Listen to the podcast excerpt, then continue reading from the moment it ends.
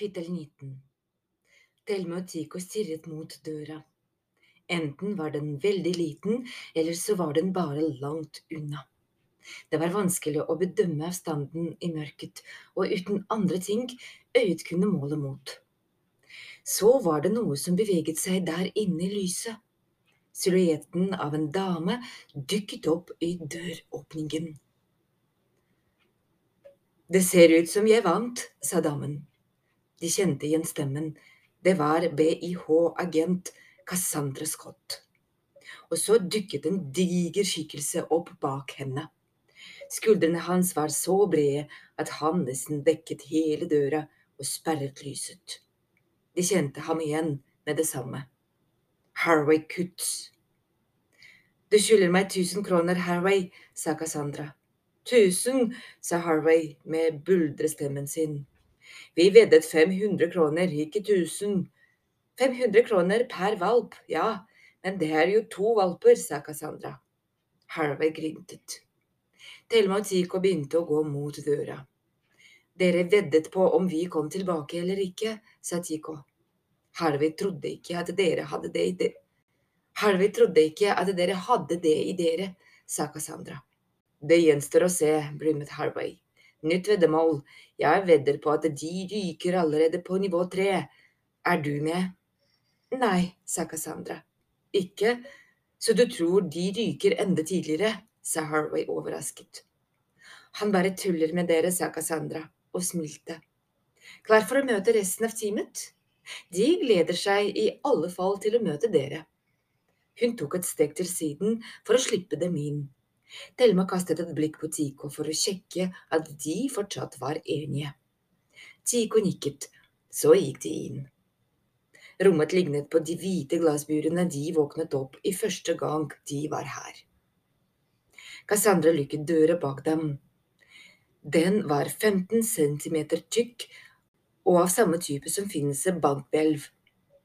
Hun plasserte en pekefinger på en skanner på veggen, og de hørte lyden av låseboltene som skled på plass. Still dere her, sa Harvey og pekte på en lysende grønn sirkel i gulvet. De gjorde som han sa. Cassandra og Harvey stilte seg også inne i sirkelen. Alle om bord, sa Harvey og blunket til Tico. Den grønne sirkelen begynte å pulsere, og de kunne høre en svak hvinende lyd som gradvis ble sterkere. Lyssirkelen gikk fra å være tynn og skarp til bred og utflytende. Den snurret rundt i høy fart. Hvinelyden ble høyere og høyere. Tike og Thelma lurte på hva som skjedde. De fikk svaret før de rakk å spørre. De lettet fra bakken. Den lysende grønne sirkelen var kanten på et svevebrett. De svevde en halv meter over gulvet. Tico og Thelma kunne kjenne at svevebrettet gynget og bøyde automatisk knærne for å holde balansen. Dere kan ikke falle av, bare se, sa Cassandra og lente seg bakover. Kraftfeltet holder oss på plass. Thelma og Tico lente seg forsiktig bakover, slik hun gjorde. Det var som å treffe en myk, vibrerende vegg av luft. Tico fulgte med hendene også. Det var som om lufta hadde stivnet. Så svevde brettet fremover. Grønt lys strømmet ut fra undersiden av brettet. Det så ut som de svevde på en pute av grønn fløyel. Veggen delte seg på midten, og de kom ut i en lang tunnel. Den lignet på tunnelen de hadde kjørt med Liana og golfbilen hennes. De kjente igjen tunnellukten også. Farten økte, men det usynlige kraftfeltet som innkapslet dem, gjorde at det var helt vindstille. Etter et par minutter kom de inn i enda et hvitt rom. Svevebrettet bremset opp og stoppet i midten av rommet. Så senket det seg og ble en del av gulvet. Og da den grønne lysringen slukket, var det ikke lenger mulig å se et eneste spor av brettet. Det hadde smeltet sammen med gulvet. Det var som om det aldri hadde eksistert. Langs veggene hang gule gummidrakter og oksygentanker. De var i en slags luftsluse. Harvey tok noen steg frem og stilte seg ved veggen foran dem. Da skal vi inn i det aller helligste. Klare? Thelma og Tico så på hverandre og nikket. Harvey dreide rundt på hælen, og veggen gled til side. Thelma og Tico måpte. Rommet var som en blanding av katedral og romskip. Den ene veggen var dekket av fire gigantiske skjermer, og under dem var det to lange rekker av mindre skjermer. Bare noen få av dem var i bruk, og de viste nyheter fra ulike deler av verden. Midt i rommet var det tre lange buede bord fulle av PC-er og elektroniske måleapparater. Dette er BIHs kommandorom. Her følger vi med på all mistenkelig aktivitet og styrer alle aksjonene våre. Dette er akkurat som kontrollrommet til NASA, utbrøt Tico. Det er helt rått!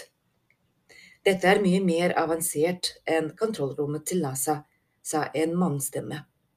Thelma og Tico så ikke hvor den kom fra, men de så at Cassandra smilte og Harvey himlet med øynene. Det er helt sant, sa stemmen, og nå så de hvem den tilhørte. En svart, bustete hårtust stakk opp bak en skjerm.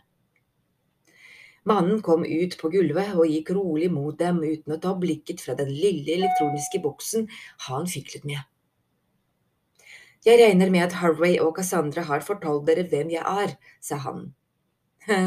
Nei, sa Thelma og kikket på Cassandra.